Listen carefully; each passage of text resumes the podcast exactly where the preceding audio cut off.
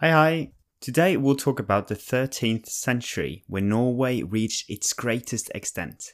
Before we do that, you can support the podcast on Patreon. There's a link in the description. In the description, you will also find a link to the transcript for the episode. Now, let's talk about the Norwegian realm.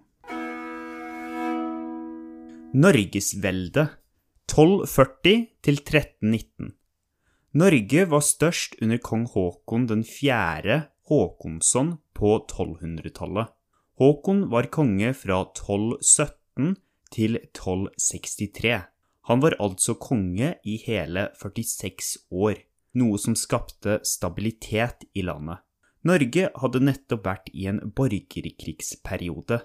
Det husker dere kanskje fra forrige episode. Det var borgerkrigstid i Norge helt til 1240. Etter dette blei Norge det nærmeste vi har vært en stormakt i Europa. La oss se litt mer på Norge på sitt største. Norge var på sitt største i 1261. I 1261 blei Grønland lagt under den norske krona. Grønland blei en del av Norge. Som dere kanskje husker, så reiste norske vikinger til Grønland, så det bodde nordmenn på Grønland. Nå var de under den norske kongen.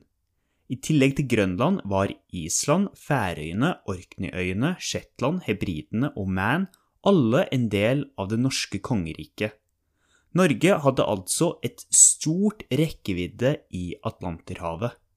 Norge hadde mange øyer og områder i Atlanterhavet og ved de britiske øyene. Selve Fastlands-Norge var også større enn det er i dag.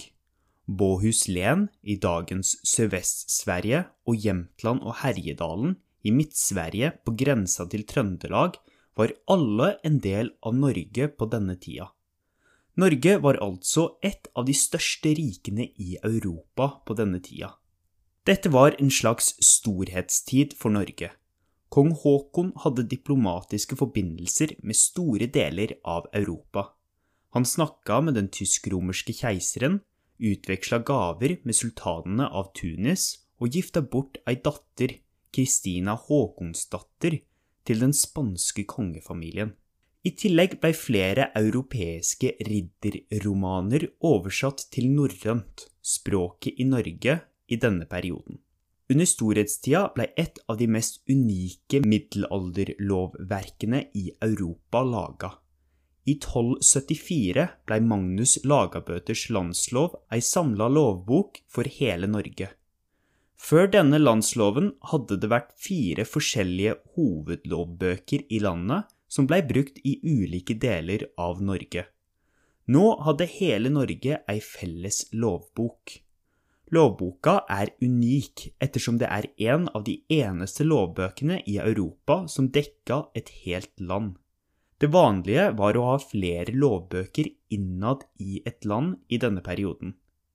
Norge var dermed et av de første landene i Europa som fikk en felles lovbok for hele landet. Hvorfor gikk Norge inn i en storhetstid i akkurat denne perioden? En grunn kan være at både Sverige og Danmark hadde problemer med borgerkrig i denne perioden. Begge land sleit med borgerkrig på 1200-tallet og første del av 1300-tallet.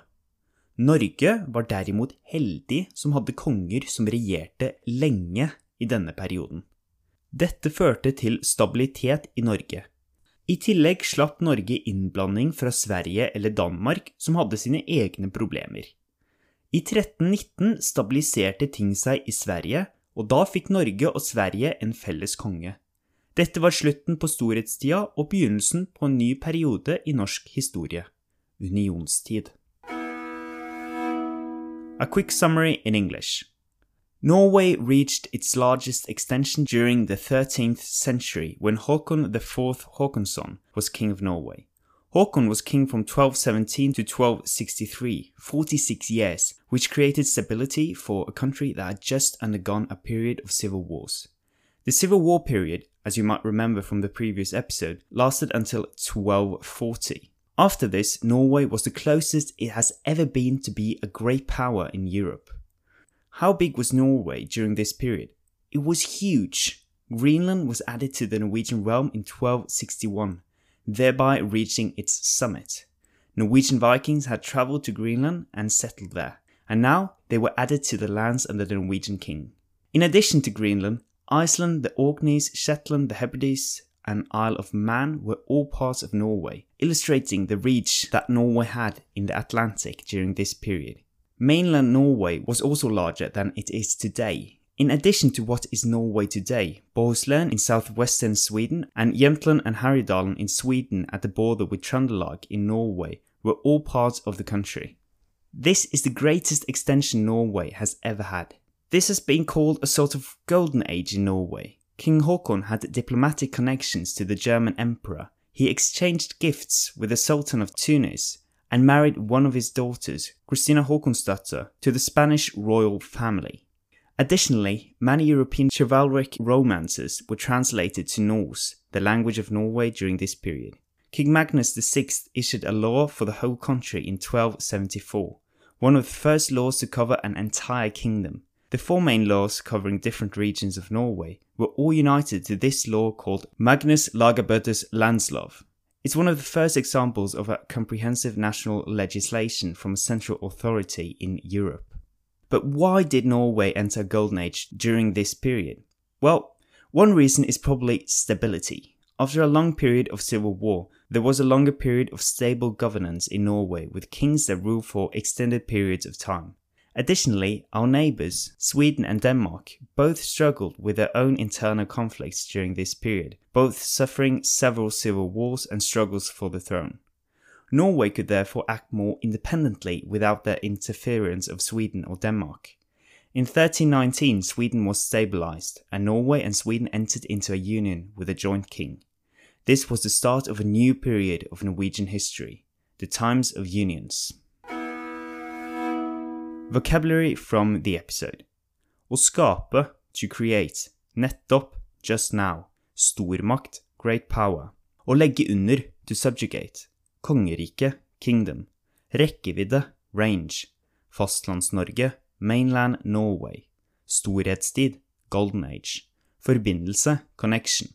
Å utveksle, to exchange. Ridderroman, chivalric romance. Oversatt, translated. Lovbok, Book of Laws. og dekke, to cover. Innad, within. Borgerkrig, civil war. Å slite med, to struggle with. Heldig, fortunate. Å regjere, to reign. Å slippe, to not have to do. And now the Norwegian part again, but this time a bit quicker. Good luck! Norgesveldet 1240 1319. Norge var størst under kong Haakon den 4. Håkonsson på 1200-tallet. Håkon var konge fra 1217 til 1263. Han var altså konge i hele 46 år, noe som skapte stabilitet i landet. Norge hadde nettopp vært i en borgerkrigsperiode. Det husker dere kanskje fra forrige episode. Det var borgerkrigstid i Norge helt til 1240. Etter dette ble Norge det nærmeste vi har vært en stormakt i Europa. La oss se litt mer på Norge på sitt største. Norge var på sitt største i 1261. I 1261 ble Grønland lagt under den norske krona. Grønland ble en del av Norge. Som dere kanskje husker, så reiste norske vikinger til Grønland, så det bodde nordmenn på Grønland. Nå var de under den norske kongen. I tillegg til Grønland var Island, Færøyene, Orkneyøyene, Shetland, Hebridene og Man alle en del av det norske kongeriket. Norge hadde altså et stort rekkevidde i Atlanterhavet. Norge hadde mange øyer og områder i Atlanterhavet og ved de britiske øyene. Selve Fastlands-Norge var også større enn det er i dag. Bohuslän i dagens Sørvest-Sverige og Jämtland og Herjedalen i Midt-Sverige på grensa til Trøndelag var alle en del av Norge på denne tida. Norge var altså et av de største rikene i Europa på denne tida. Dette var en slags storhetstid for Norge. Kong Haakon hadde diplomatiske forbindelser med store deler av Europa. Han snakka med den tysk-romerske keiseren, utveksla gaver med sultanene av Tunis og gifta bort ei datter, Kristina Haakonsdatter, til den spanske kongefamilien. I tillegg ble flere europeiske ridderromaner oversatt til norrønt, språket i Norge i denne perioden. Under storhetstida ble et av de mest unike middelalderlovverkene i Europa laga. I 1274 ble Magnus Lagabøters landslov ei samla lovbok for hele Norge. Før denne landsloven hadde det vært fire forskjellige hovedlovbøker i landet som ble brukt i ulike deler av Norge. Nå hadde hele Norge ei felles lovbok. Lovboka er unik, ettersom det er en av de eneste lovbøkene i Europa som dekka et helt land. Det vanlige var å ha flere lovbøker innad i et land i denne perioden. Norge var dermed et av de første landene i Europa som fikk en felles lovbok for hele landet. Hvorfor gikk Norge inn i en storhetstid i akkurat denne perioden? En grunn kan være at både Sverige og Danmark hadde problemer med borgerkrig i denne perioden. Begge land sleit med borgerkrig på 1200-tallet og første del av 1300-tallet. Norge var derimot heldig som hadde konger som regjerte lenge i denne perioden. Dette førte til stabilitet i Norge. I tillegg slapp Norge innblanding fra Sverige eller Danmark, som hadde sine egne problemer. I 1319 stabiliserte ting seg i Sverige, og da fikk Norge og Sverige en felles konge. Dette var slutten på storhetstida og begynnelsen på en ny periode i norsk historie unionstid. And that was everything for today's episode. I hope to see you in the next one. Ha det bra!